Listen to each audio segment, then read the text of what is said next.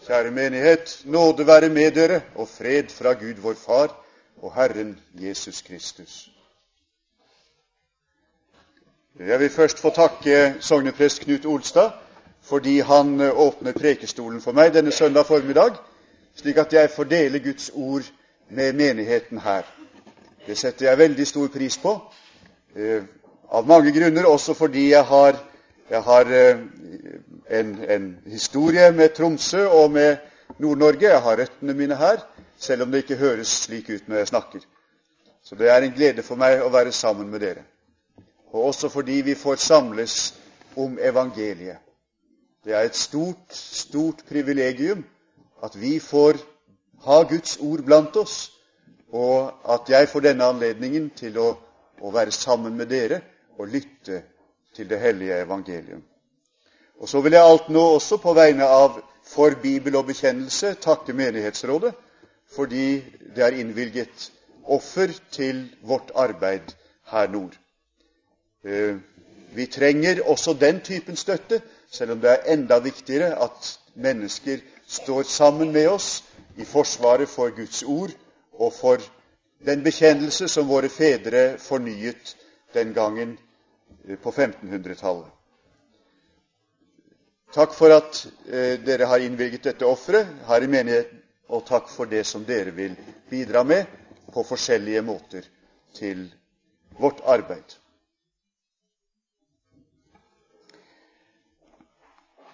Dette hellige evangelium på første søndag i faste står skrevet hos evangelisten Matteus i kapittel 4 fra vers 1.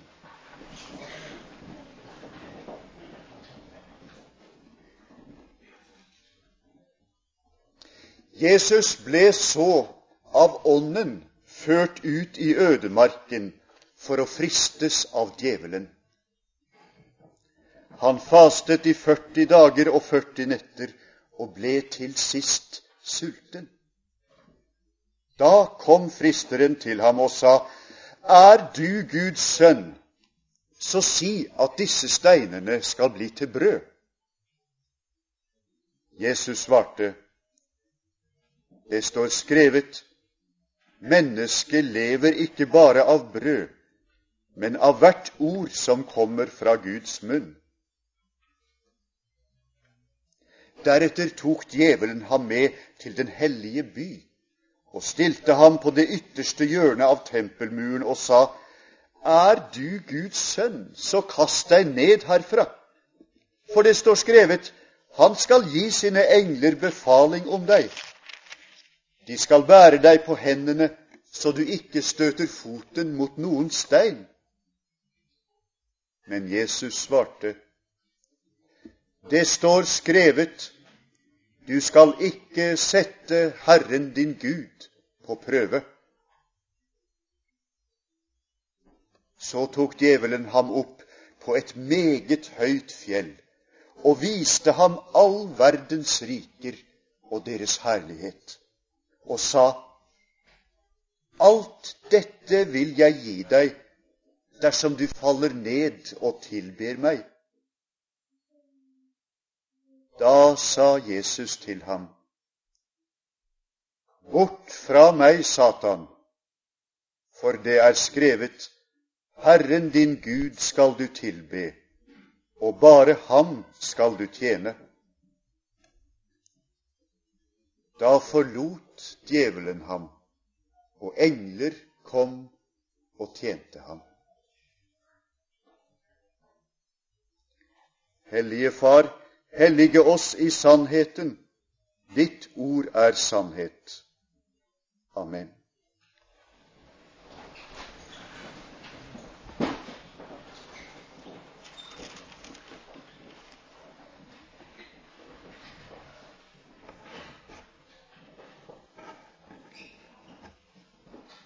Så hva kan jeg friste dere med? Denne skinnende blanke skisøndagen bør det iallfall være en interessant preken. Eller? Hva mener vi med fristelse? Noe ønskelig? Er det det? Noe deilig eller noe lokkende? Ja, og så skal det være litt forbudt. Men hva er det folk snakker om som fristelser, da? Mat for den overvektige? Eller ny salong for den som ikke har penger på kontoen? Er det fristelser?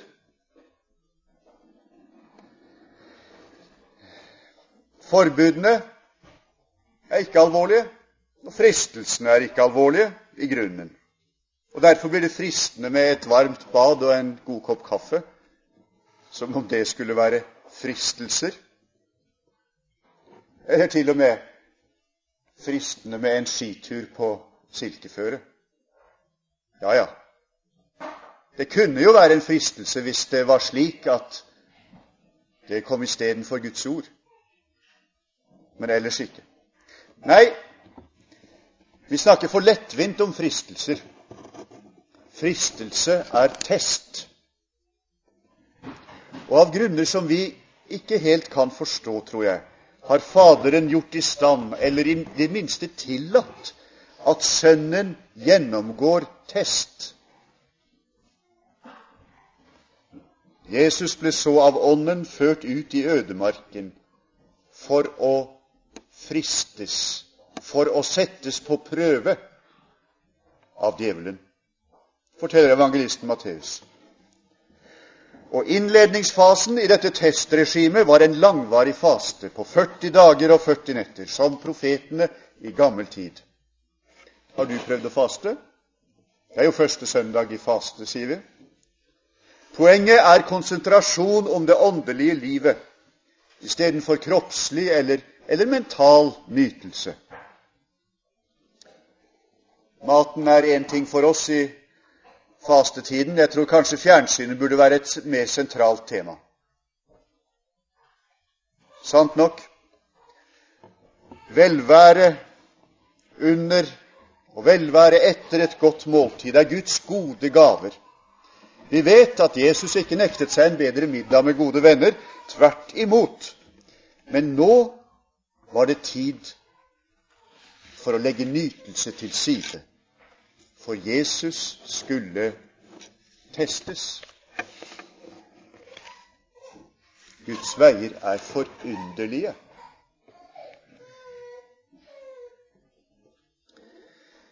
Den første testen handler om det vi lever av. Jesus fastet i 40 dager og 40 netter og ble til sist sulten. Da kom fristeren til ham og sa, Er du Guds sønn, så si at disse steinene skal bli til brød. En ting er å være så ubegripelig sulten. Mer enn noen av oss har prøvd, antar jeg. Men det djevelen frister med, er at Jesus skal bruke sin hittil uoppdagede guddommelige makt til å hjelpe seg selv ut av en pinefull situasjon, og samtidig manifestere at han er notekar. Nei, mer enn det. Her kunne han i grunnen manifestere at han var Guds sønn steiner til brød. Det er faktisk et unikt potensial i sånne evner. Tenk hvor mye godt han kunne ha utrettet. Akkurat nå for seg selv, og senere sikkert for andre med denne evnen. Var han ikke kommet til jorden for å gjøre godt mot fattige, kanskje?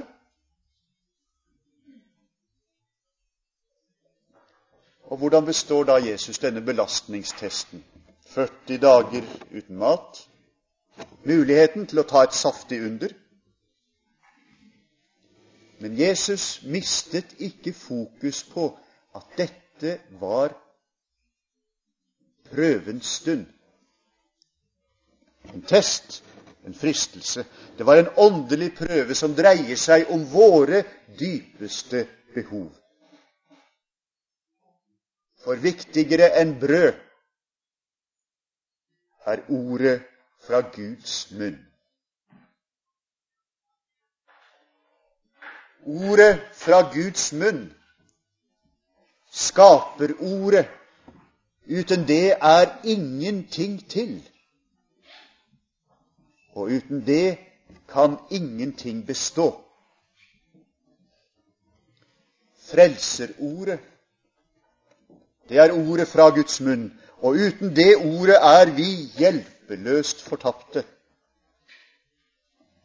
Så Jesus svarer, mennesket lever ikke bare av brød, men av hvert ord som kommer fra Guds munn.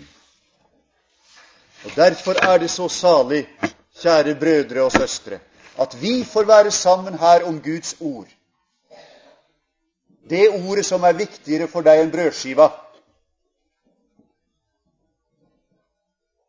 Og kanskje det er din test.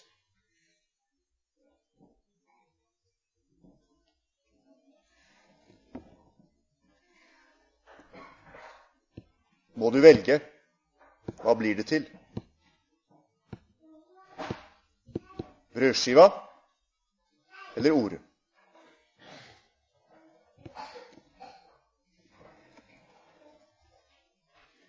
Mennesket lever ikke av brød alene. Takk og pris, vi får brød så det holder. Men testen for oss er om vi holder fast på at det som teller, fremfor alle andre ting, er at vi har Guds ord.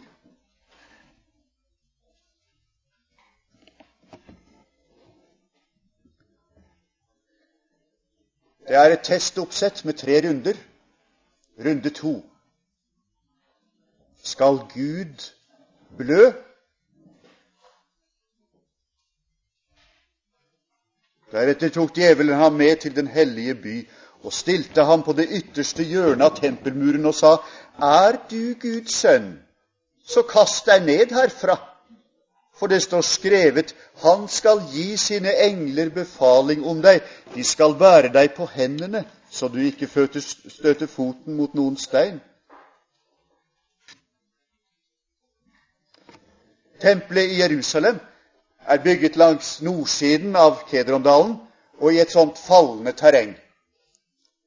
Men for at tempelplassen skal bli flat, så blir jo da nedveggen høyere og høyere jo lenger du strekker tempelplassen nedover Kedrondalen. Og der, på hjørnepunktet helt nederst, ut mot dalen Hjørnet som var forhøyet til og med med et lite tårn for å gjøre det både flott og, og kanskje sikkert. Der står Jesus.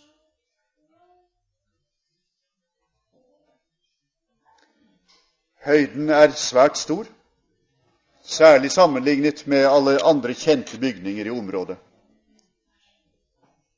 Og så kommer djevelen til ham og trekker i tvil at han virkelig er Guds sønn. Det hadde jo ingen sett. Noe slikt var ikke akseptert av noen. Utenom kanskje Josef og Maria, at de var inne på den tanken. Og muligens da fetter Johannes døperen, jo, det høres jo sånn ut i forbindelse med Jesu dåp. Men ellers ingen.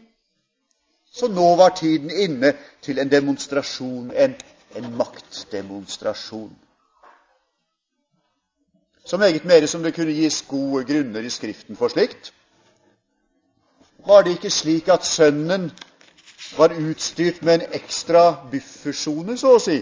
Man kunne gjerne kalle det en ressurs en ekstra ressurs i hans overmåte viktige frelsesprosjekt.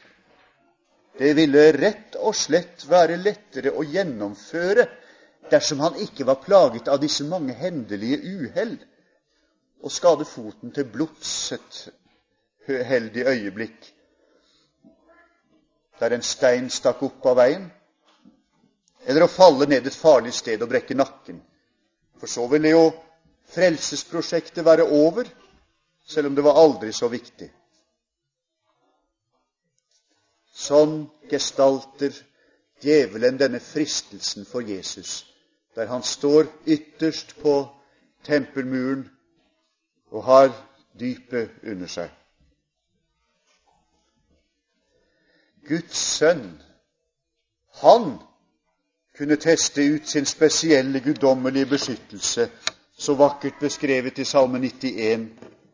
For han skal gi sine engler befaling om å bevare deg på alle dine veier. De skal bære deg på hendene, så du ikke støter foten mot noen stein. Og så kunne han samtidig bli ferdig med denne testingen. Det tok nok atskillig på.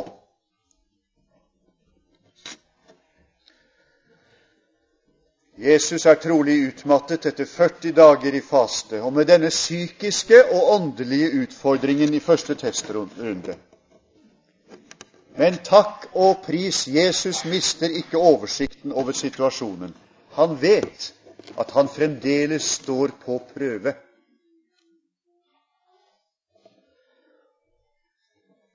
Når vi tenker etter dere, du verden så fristende det hadde vært å heve seg litt over menneskets vilkår, der vi skades og lemlestes i ulykker og tragiske hendelser. De som har møtt slikt, sukker og tenker 'Å, om vi slapp! Å, om vi slapp!' For menneskelivets vilkår er harde. I sin vrede har Gud bestemt det slik at vi skal være underlagt forgjengelighet og død. Det er våre liv, og hvor vi ønsket at vi slapp.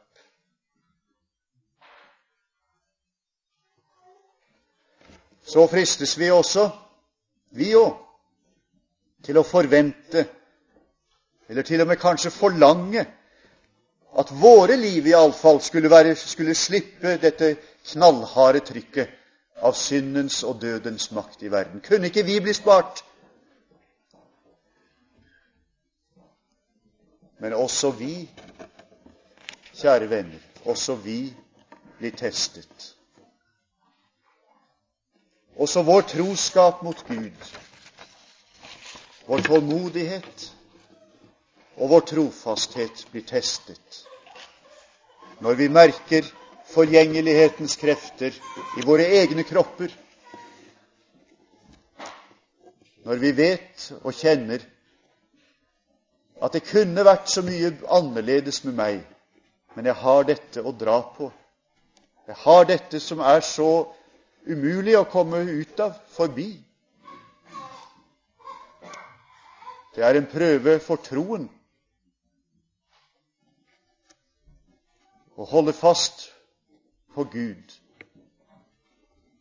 og hente trøst i Hans ord og krefter og tro at Gud er min gode Gud, også når livet mitt er under hardt trykk av sykdom og andre vansker. Kan du stole på Gud da? Kan du kaste deg i Hans armer, selv om du ikke ser deg noen utvei, selv om himmelen synes stengt?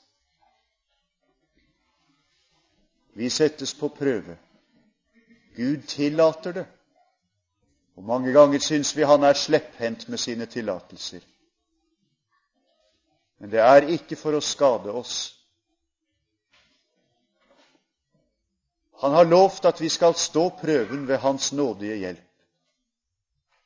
At den ikke skal bli for tung for oss å bære, men at både fristelsen og dens utgang skal bli så vi kan bære den. så får vi støtte hverandre, bære hverandres byrder og vite at vi er under prøve i denne tiden i livet her på jorden.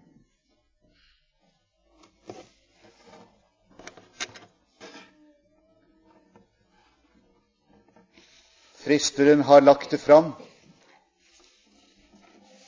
Kunne du ikke spare deg for blod og tårer? Men Jesus svarer, det står skrevet, du skal ikke sette Herren din Gud på prøve. Og med det har han satt inn et motstøt mot dette svikefulle angrepet.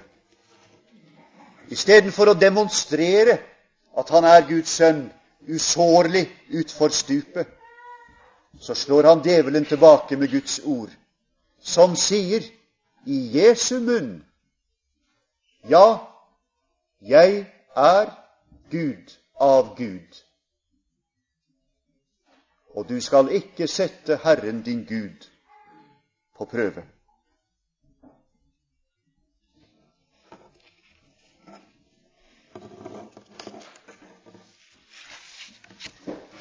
Jesus lar seg ikke blende av at fristeren bruker Den hellige skrift for å skape sin onde illusjon. Det Jesus gjør, er å konfrontere ham med Guds ord, sant sitert og brukt. For han er Gud, og han er Guds sønn.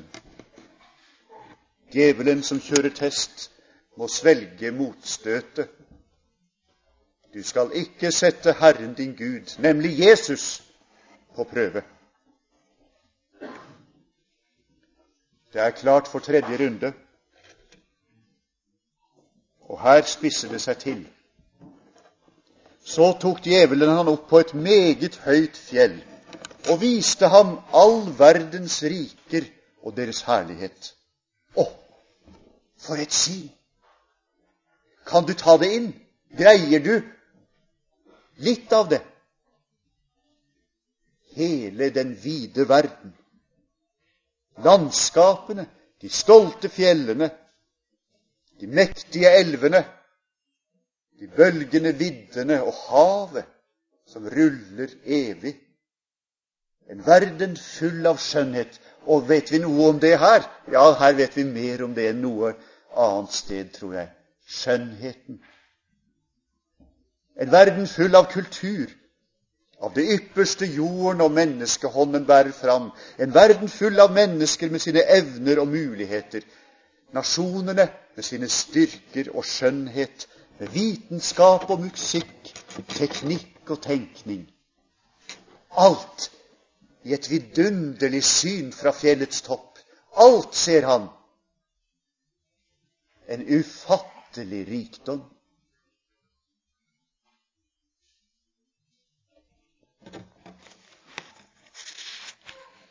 Og så sier djevelen Alt dette vil jeg ti deg dersom du faller ned og tilber meg. Alt i hele verden dersom du underkaster deg den onde fristeren. Det var det første store valget om igjen. Det var Adam og Evas valg. For ham som er den andre Adam. De og vi valgte hele verden og underkastet oss fristeren. Og det førte oss mennesker til syndfloden, til Babel. Det førte oss til Sinais torden og til Hinnomsdalen, til Gehenna, til fortapelsen.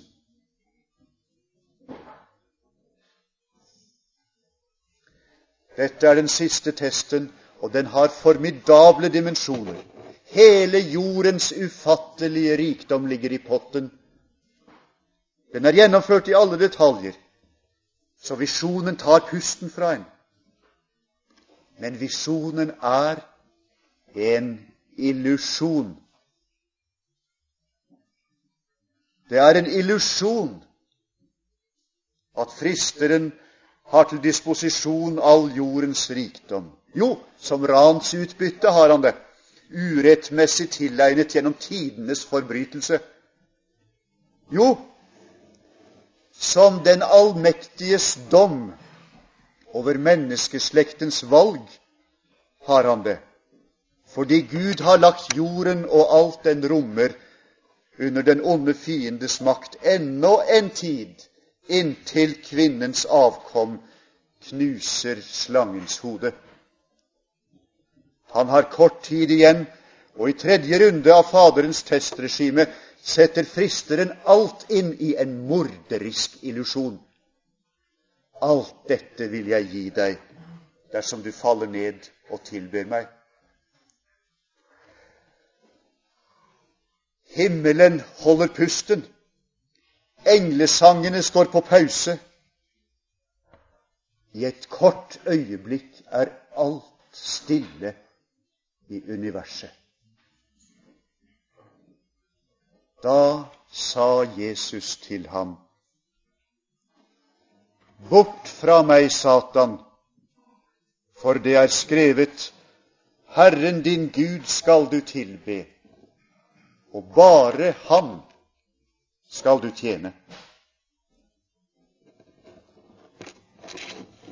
Når ordene faller, er det som sprengladningene i en rivingsklar høyblokk går av. Illusjonene om verdensherredømme som fristeren har bygd opp i tredje testrunde, raser sammen i en sky av støv og løgn. Fristerens ansikt er avslørt. I dette øyeblikket er hans avmakt synlig. Jo, han får kjøre test, men det er alt han får. Han som prosjiserte illusjonen om sitt verdensherredømme over hele horisonten. Han står igjen som en maktesløs testfunksjonær. Da forlot djevelen ham, og engler kom og tjente ham. Kjære menighet, dette er støtet inn i deres liv. Herren din Gud skal du tilbe, og bare Ham skal du tjene. Herren Gud er den eneste som er verdig tilbedelse. Herren Gud er den eneste som er verdig vår tid, vårt liv, våre evner og krefter. Herren din Gud er den eneste Derfor er hans første bud du skal ikke ha andre guder enn meg. Og i det første bud samles hele vårt liv med Ham som er alle tings opphav og fullender. I samklang med det første bud lever den annen Adam. Han står der den første Adam falt. I det første bud lever Sønnen han som elsker Faderen og elskes av Faderen i Åndens enhet. Nå er det fastetid. Og du kalles til å tro på Jesus, Guds sønn, han som besto prøven i ditt sted.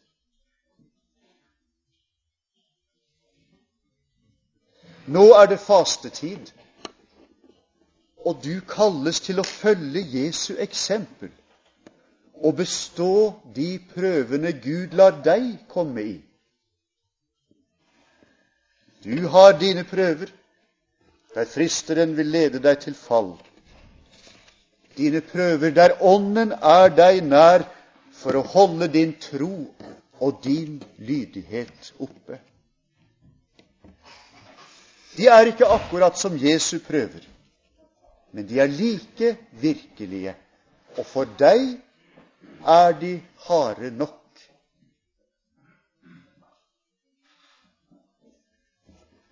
Kjære venner, vi prøves. I denne tid prøves vår tro. Ikke bare hver enkelt av oss, men også vi som fellesskap. I denne tid lever vi i et samfunn som har snudd ryggen til Guds ord og til Hans bud. Det er det sekulære som styrer alt, og vi presses av det. Her står din tro og ditt liv på prøve. Hvem er din Gud? Hvem er du lydig mot? De ti bud eller FNs menneskerettighetserklæringer. Hva er det som er grunnen under ditt liv? Folketrygden eller Guds omsorg?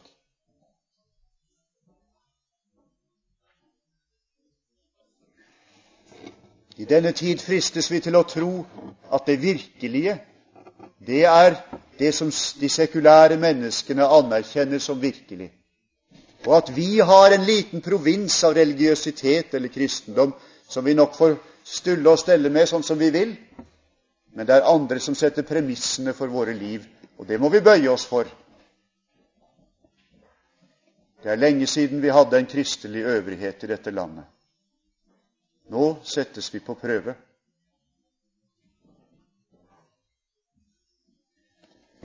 Gud prøver oss i denne tid. Han lar vranglæren trenge inn i kirken. Biskoper og prester fornekter ordet og er ulydige mot det i lære og liv. Og det er så lett å bøye av og gi seg Å være blant dem som blir anerkjent og tykt godt om og respektert sånn i det store samfunnet. Det er så lett å gi etter i de små tingene, der vi kunne ha en liten gevinst om at kristendom ikke var så forferdelig. Den var kanskje til og med forståelig for folk flest om vi bare pyntet litt på kantene. Kunne ikke det være nyttig? Kunne vi ikke tenke oss at det ville føre til at Kirkens gjerning i folket ville få et bedre gjennomslag? Vi fristes, kjære venner. Gud har tillatt at dette skjer for å prøve sin menighet, om vi holder fast på Hans ord, både loven og evangeliet. Det er fastetid, og vi skal følge etter Jesus, han som sto der Adam falt. Vi skal føtte etter Jesus, og vi må be om Den hellige ånds nåde til å holde ut i disse fristelser bære dem og stå fast på Guds ord, både for oss selv og for vår nasjon.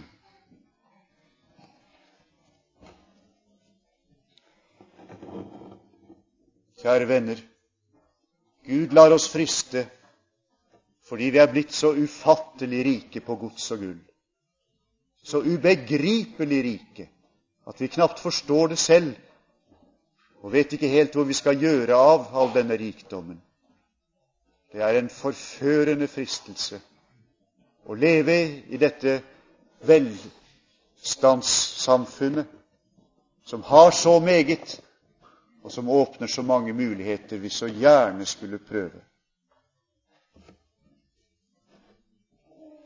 Så banker kjærligheten til penger på vårt hjerte kjærligheten til rikdom. Men apostelen viser oss at den har ført mange mennesker i fortapelse og er kilden til mye tåpelighet og elendighet blant mennesker.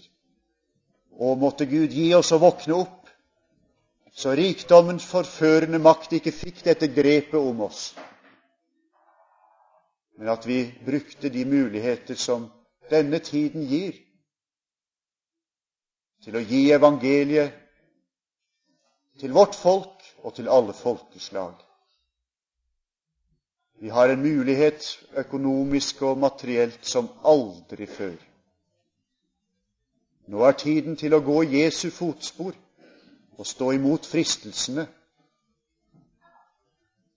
Og gå efter ham som sto der Adam falt. Det er din fastetid, kjære søster og bror.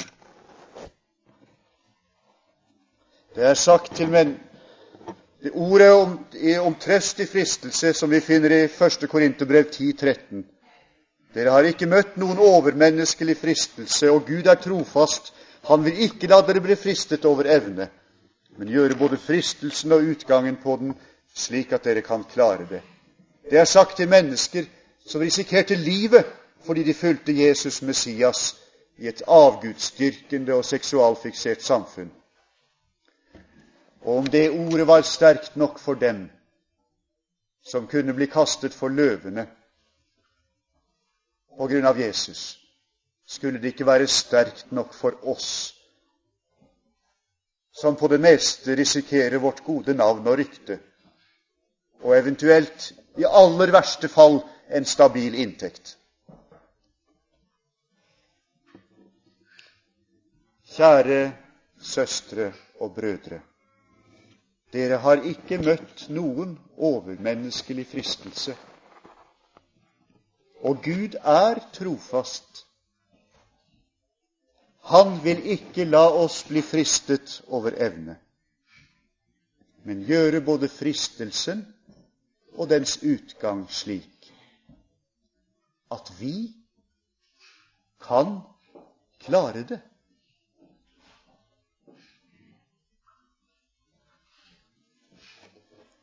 God fastetid. La oss be.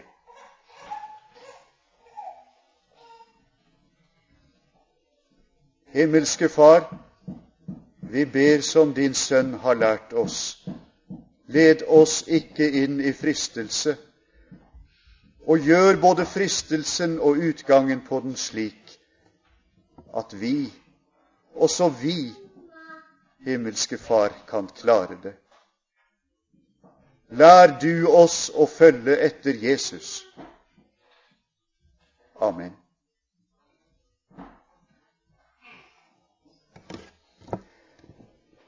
Ære være Faderen og Sønnen og Den hellige ånd, som var, er og blir en sann Gud fra evighet og til evighet. Amen.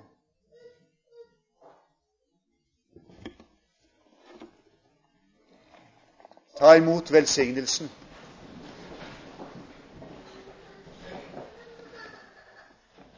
Vår Herre Jesu Kristi nåde, Guds kjærlighet og Den hellige ånds samfunn være med dere alle. Amen.